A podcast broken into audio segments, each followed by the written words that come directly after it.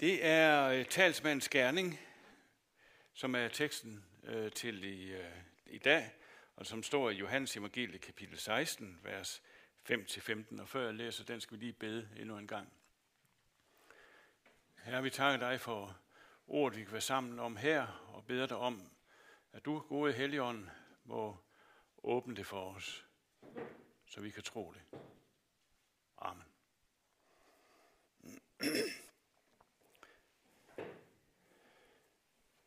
Der står, nu går jeg til ham, som har sendt mig, og ingen af jer spørger mig, hvor går du hen? Men fordi jeg har talt sådan til jer, er jeres hjerte fyldt af sorg. Men jeg siger jer sandheden, det er det bedste for jer, at jeg går bort. For går jeg ikke bort, vil talsmanden ikke komme til jer, men går jeg ikke herfra, vil jeg sende ham til jer. Og når han kommer, skal han overbevise verden om synd, og om retfærdighed og om dom. Om synd, at de ikke tror på mig, om retfærdighed, at jeg går til faderen, og I ser mig ikke længere, og dom, at denne verdens fyrste er dømt. Jeg har endnu meget at sige men det kan I ikke bære nu. Men når han kommer, sandhedens ånd, skal han vejlede jer i hele sandheden. For han skal ikke tale af sig selv, men alt, hvad han hører, skal han tale, og hvad, jeg, og hvad der kommer, skal han forkynde for jer. Han skal herliggøre mig, for han skal tage af mit og forkynde det for jer. Alt, hvad faderen har, er mit. Derfor sagde jeg, at han skal tage af mit og forkynde det for jer.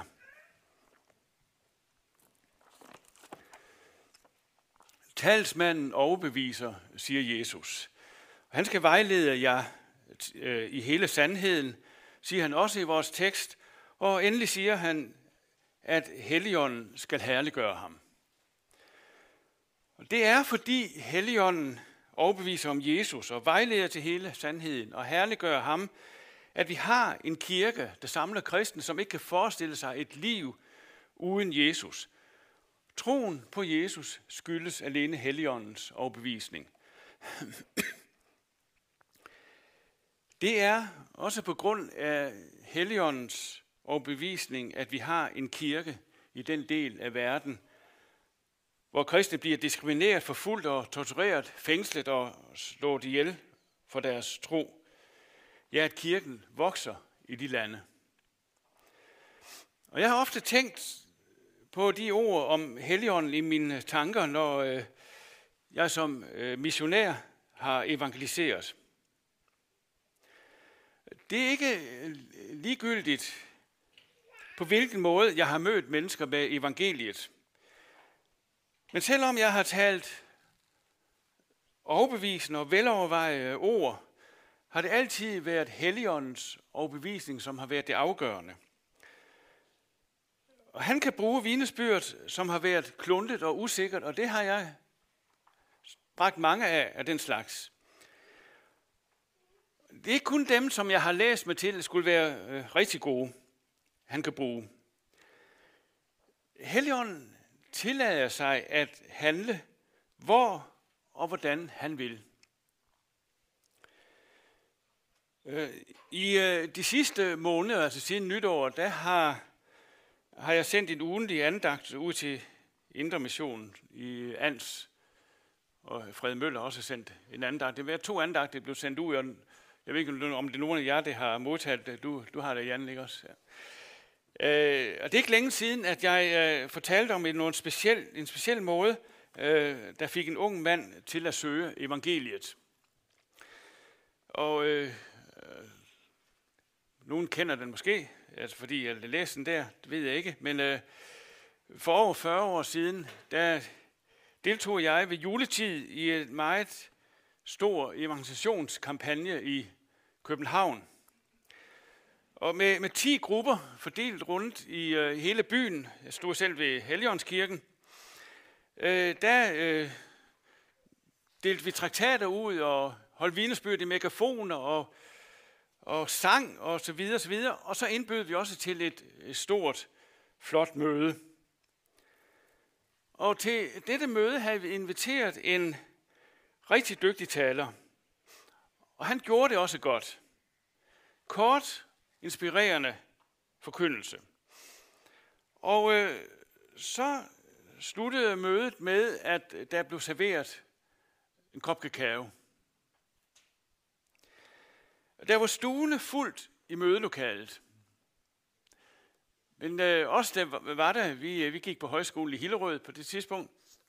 Vi, vi kendte ikke København. Vi anede ikke, om det var nogen blandt deltagerne, der havde taget imod en indbydelse. Måske der kunne have været en enkelt. For der var kun en, som ønskede at blive opsøgt efter mødet. Og øh, jeg fik opgaven at kontakte ham, og det viste sig at være en ung mand på min alder. Jeg var selvfølgelig ung dengang, det er 40 år, 40 år siden. Og da vi var sammen første gang, så spurgte jeg ham, øh, hvordan han havde oplevet mødet. Og han svarede, jeg synes, talen var lang og kedelig. Og så trak det ind af vinduerne. Og det var meget skuffende, for den var hverken lang eller kedelig. Om det trak ind af vinduerne, det ved jeg ikke. Men det var i hvert fald skuffende at høre. Og så måtte jeg jo lige spørge ham, hvorfor han havde ønsket at få yderligere kontakt. Og det var sådan kort og enkelt. Det var fordi, der var en, der var kommet med en kop kakao til ham. Tænk engang, at det mest skældsættende ved dette kæmpe arrangement, men en kæmpe forberedelse i København, det var en serveret kop kakao. Det betyder selvfølgelig ikke, at, at vi, det bedste, vi kan gøre for at nå mennesker øh, med evangeliet, det er at servere kakao for dem. Men det var en venlighed, som Helligånden talte gennem til denne unge mand, den dag. Det var ikke ord, sang, traktater, god forkyndelse, inspirerende møde, kun venlighed og opmærksomhed. Ingen vidste, hvem det havde givet ham den der kop kakao. Men det var nok for heligånden til at prikke denne unge mand på skulderen. Så allerede et par måneder efter, der kom han til personlig tro og blev en del af et kristent fællesskab, hvor han deltog i møder, uden at det var nogen, der fortsatte med at komme med kaffe og kage til ham. Hvor ville det være godt for os alle sammen at huske, at det er noget, som er reserveret til Helligånden alene. Og det er at skabe en længsel efter evangeliet og åbne ord, der skaber troen. Det betyder ikke, at vi naturligvis ikke skal forkynde ordet, men Helligånden tillader sig at bruge alt for at nå mennesker. Lad os slappe af i Jesu navn. Sådan er jeg sluttet mange gange, når jeg har undervist i evangelisation. Slap af i Jesu navn. Det er det bedste, vi kan gøre.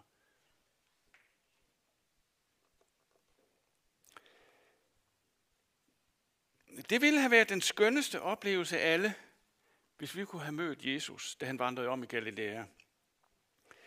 Men nu forlod han os heldigvis, og det lyder lidt mærkeligt at sige, at han heldigvis forlod os, men det er sådan set Jesus, der selv har sagt det. Nu er Helligånden til gengæld kommet for at overbevise om troen og sandheden og herliggøre Jesus. Jesus siger i sin undervisning i vores tekst om Helligåndens gerning, Helligånden skal overbevise verden om synd og retfærdighed og om dom. Om synd, at de ikke tror på mig, om retfærdighed, at jeg går til faderen, og I ser mig ikke længere, og dom, at denne verdens fyrste er dømt. Vi vil have fokus på ordene om synd, at de ikke tror på mig. Mange gange har jeg hørt, at Jesus her i denne tekst siger, og det har I sikkert også, at Helligånden overbeviser os om, at vi er syndere. Og det gør Helligånden også gennem lovens strenge og retfærdige tale, men øh, det er ikke Helligåndens egentlige opgave. Når Helligånden overbeviser om synd, er det dybest set for at overbevise om Jesus og herliggøre ham. Bag ordene om synd, at I ikke tror på mig, står der et af de mest klare ord, vi har i vores Bibel om, hvad Jesus har gjort for os. Om synd, at de ikke tror på mig. Nemlig dette, at der kun er én synd, der adskiller os fra Gud. Og det er, at vi ikke tror på Jesus. Al anden synd i denne verden har Jesus allerede betalt for. Hver eneste en. Jesus har gjort ren bord for al synd. Fra vi står op om morgenen til vi går i seng om aftenen, undgår vi ikke at synde. Vi synder mere, end vi aner. Synd, det er aldrig godt, og synd kan aldrig forsvares. Synd ødelægger altid et eller andet, og ikke mindst i forhold til andre mennesker. Og det er godt, og det er rigtigt, at vi undgår at synde. Men vi kan ikke lade være, uanset hvor meget vi hader synden. Vi kan alle sammen finde både det ene og det andet, som vi gerne vil skulle være anderledes. Men når vi taler om synden, så må vi aldrig glemme, at vi ikke kan blive dømt for en eneste af dem, når vi tror på Jesus. Det er ikke synden, som er vort problem, egentlige problem. Det er forholdet til Jesus. Og vi, er vi i tvivl, om det er sandt, så kan vi blot slå op i vores Bibel og læse, hvordan Jesus mødte mennesker. Hvordan han mødte syndere. Læse om, hvordan den fortabte søn kom hjem og blev modtaget, som om han aldrig nogensinde har gjort noget ondt. Vi har hørt det så mange gange, men vi glemmer det ofte. Fordi vi altid har en eller anden indvending mod dette. Jeg læser ikke nok i min bibel. Når jeg beder, bliver jeg overhovedet ikke ligesom berørt. Jeg tænker mere på mig selv end andre. Jeg har så vanskeligt ved at tilgive, når det rigtig brænder på. Og der viser sig ikke særlig mange af kristenlivets frugter i mit liv. Og sådan kan vi blive ved. Men ind i alle de selvanklager, så bør vi rette blikket bort fra os selv og hen på korset, hvor Jesus hang i vort sted. Tror vi på ham, er vi i Guds øjne ingen synder. Der står vi lige så retfærdigt som Jesus selv. Og jeg tror, det, at det det gemmer sig bag de her gådefulde ord fra Jesus om, at Helligånden skal overbevise om retfærdighed, at jeg går til faderen. Retfærdighed er, at Jesus er trådt frem for Guds trone med sit blod. Han blev gennemboret for vores overtrædelser og knust for vores synder, som Esajas skriver i kapitel 53.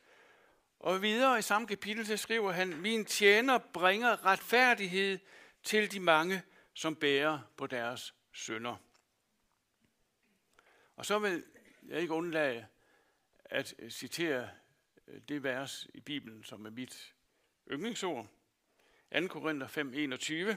Ham, der ikke kendte til synd, har han gjort til synd for os, for at vi kunne blive Guds retfærdighed i ham, for at blive Guds retfærdighed. Vi er Guds retfærdighed. Det er ikke til at forstå, at syndere kan være Guds retfærdighed. Men sådan står det. Jeg vil nævne et, øh, et andet eksempel på, hvordan Helligånden har overbevist om, om det her. Og det kan godt være, at nogen synes, det er altså godt nok noget af det mest besynderlige at, at trække frem. Men øh, nu får jeg den. I radioens program 1 er det et interviewprogram, der hedder Tal til mig øh, ved studieverden Iben Maria Søjden. Det er på meget, på meget fin og indlevende måde, fører hun gode samtaler med forskellige gæster i studiet om det øjeblik, som var afgørende for øh, deres tro. Desværre så er der øh, temmelig mange forvirrende vidnesbyrd, som intet har med kristendom at gøre. Det har det for, eksempel været i, i, i sidste uge. Vi, vi, alle jeg har hørt den øh, lå jeg den i lørdags, øh, som ikke har noget som helst med, med kristendom at gøre, men, Men der er også andre gange, hvor det er rigtig gode vidnesbyrd. Der er særlig en, som har betydet meget for mig, øh, som jeg har hørt så meget, at, at jeg ligefrem har gjort det. Men den ulejlighed at øh, notere ordene ned, ord for ord, nogle af dem, nogle sentenser derfra. Og den gæsten der, det var komikeren Kasper Christensen. I må ikke sige det til nogen, men jeg elsker at se kloven. Ikke de lange der, dem, dem har jeg ikke set øh, ret meget af, men, men de små, jeg engang ønskede dem til jul endda. Men når jeg har set dem, har jeg nogle gange, og det er så sandt, jeg har nogle gange ikke kunne lade være med at tænke på, at er der noget menneske, for hvem kristendommen er noget fuldstændig fjernt og ligegyldigt, så er han et godt eksempel på det.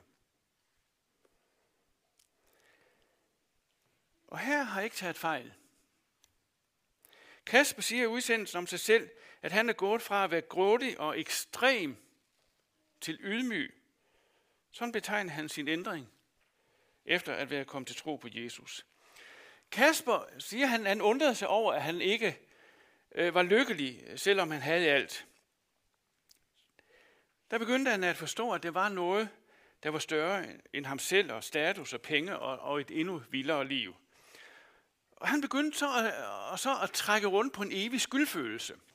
Han siger sådan, når man har en sådan skyldfølelse, forventer man en straf, og den vil helt sikkert være stor, for det er ikke noget, man selv kan gøre noget ved. Så kan man godt gå og blive lidt angst, for man er bange for den straf. Det kan, det man kan prøve at gøre, er at kompensere. For mit vedkommende at blive behagesyg, være ekstra god. Men så siger han, det fjernede ikke hans skyldfølelse.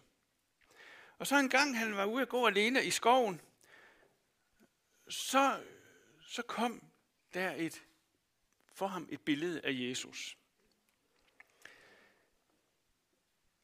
Så kan man spørge, hvem gav ham så det billede af Jesus? Hvem gjorde det? Jeg tror godt, at vi kender svaret. Og mens han altså går der med sin skyldfølelse og får det her billede af Jesus, så gør han det, at han beder til, beder til ham. Beder Jesus om at komme af med sin skyldfølelse. Og der siger Kasper, så forsvandt den. Den var væk. Altså ordret siger han sådan. Så forsvandt den. Den var væk. Jeg følte, at der var nogen, der var sammen med mig, at det var Jesus. Kasper Christensen, han kender ikke meget til kristendommen, i hvert fald ikke på det tidspunkt i udsendelsen der. Og det gjorde han bestemt heller ikke dengang. Det indrømmer han blankt. Han forstod ikke noget som helst om retfærdiggørelse og helliggørelse, om omvendelse og meget andet. Men han gjorde én ting. Han tog sin tilflugt til Jesus. Den eneste, som kunne sætte ham i frihed. Han siger selv, at det er tabubelagt at tale om Jesus. Men det var det ikke for ham. Han sagde helt klart, bekendt helt klart, jeg tror på Jesus. Det er den frelsende tro. Jesus har taget synden og skylden. Tror vi på ham, kan vi med frimodighed sige, jeg har ingen synd. Jeg har ingen skyld. Jesus har fjernet den. Nogle gange kan vi være med at spørge om Kasper. I det øjeblik derude i skoven, så mere end mange, som har levet med Jesus i mange år, endnu ikke har set. Jesus har taget skylden. Derfor skal vi heller ikke gå med skyldfølelse længere. Vi skal ikke gå og bære rundt på det, som Jesus har taget bort. Vi skal have vores fokus rettet mod Jesus og hans død for os. Vi kan opleve det som om, vi har kærlighed til synden. Det kender vi nok alle sammen. Det kan tynge os og anfægte os. Men der er det, vi må spørge. Når vi har så lidt kærlighed til synden og har så meget lyst til at synde, er det så det nye menneske i Kristus, der har det sådan? Nej, det er det der ikke. Det nye menneske i Kristus har ikke lyst til at synde. Det er det gamle menneske, det har det. Det kan ikke have andet end kærlighed til synden. Men det gamle menneske, hvad er det? Det er korsfæstet med Kristus. Det er død. Det skal vi jo ikke se på. Vi skal ikke se på det, det er død.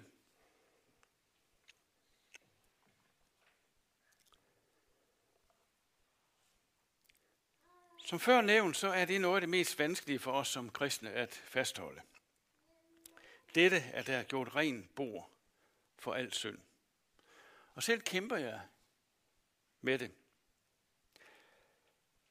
Men det er også derfor, at jeg har brug for at høre evangeliet.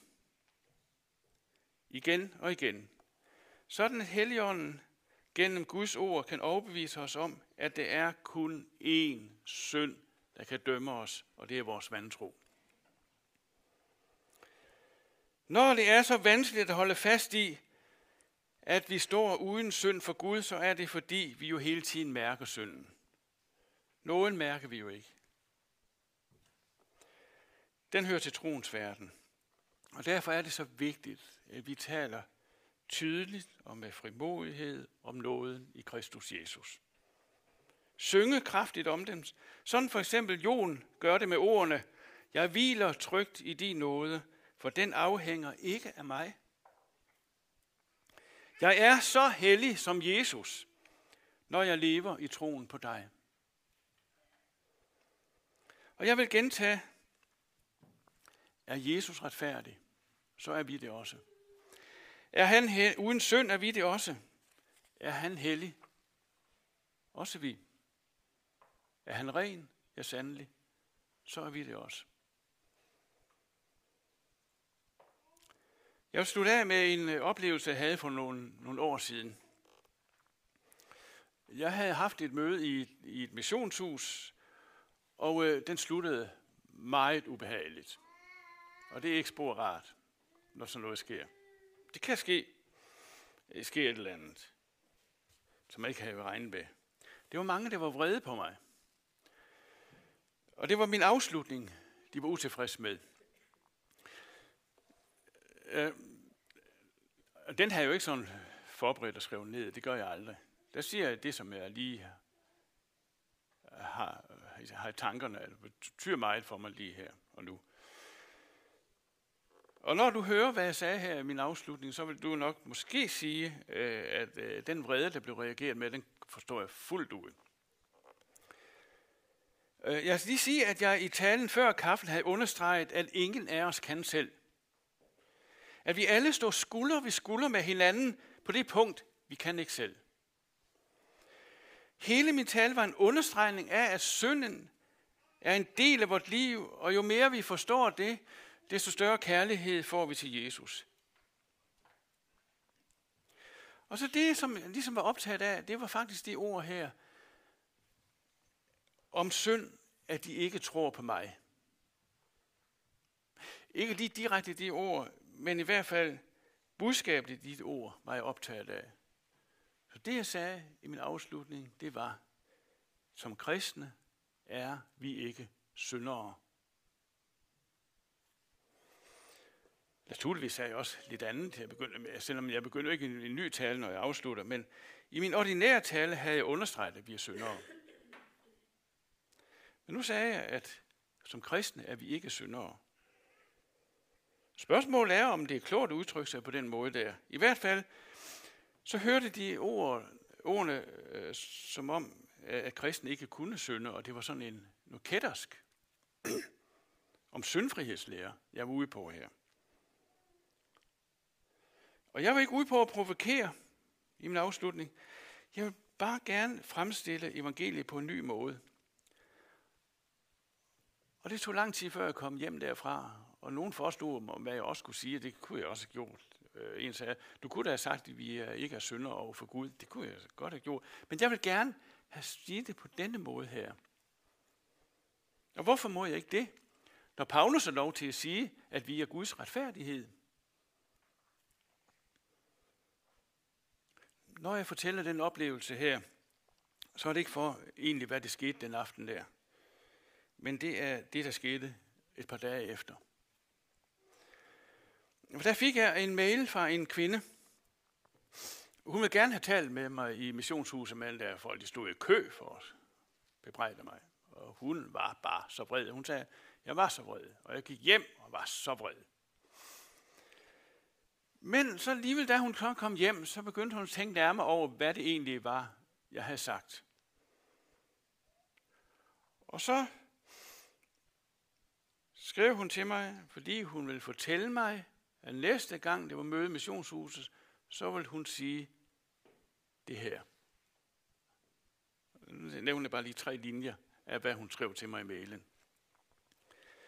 Hun skrev sådan her. Så er det jo fantastisk at skrive med store bogstaver. Så er det jo en fantastisk befrielse at vide, at det, vi har hørt så mange gange, er blevet helt anderledes, når vi husker, at, skriv med store bogstaver, vi ikke mere er syndere. Pointen er, som Jon synger i omkvædet til førnævnte sang. Gennem Jesu kors er alt betalt. Min synd og skyld har han udslettet ved sit blod. Ufortjent blev Jesus min renhed, for ved korset vandt han min frihed, for han sonede din vrede i mit sted. Vi skal bede. Det beder vi om, her. Gode Helligånd, at du må overbevise os om, hvad vi har i Jesus. Fuld renhed, renhed, retfærdighed. Beder dig om, Herre, det er det, vi må have vores øjne rettet mod. Og ikke gå hele tiden og tænke, om du virkelig har gjort nok for os på korset. For vi ved, at alt er fuldbragt. Vi ved, at du tog en hver synd. Herre, giv du os troen på det. En frimodig tro. Så skal du have tak. Amen.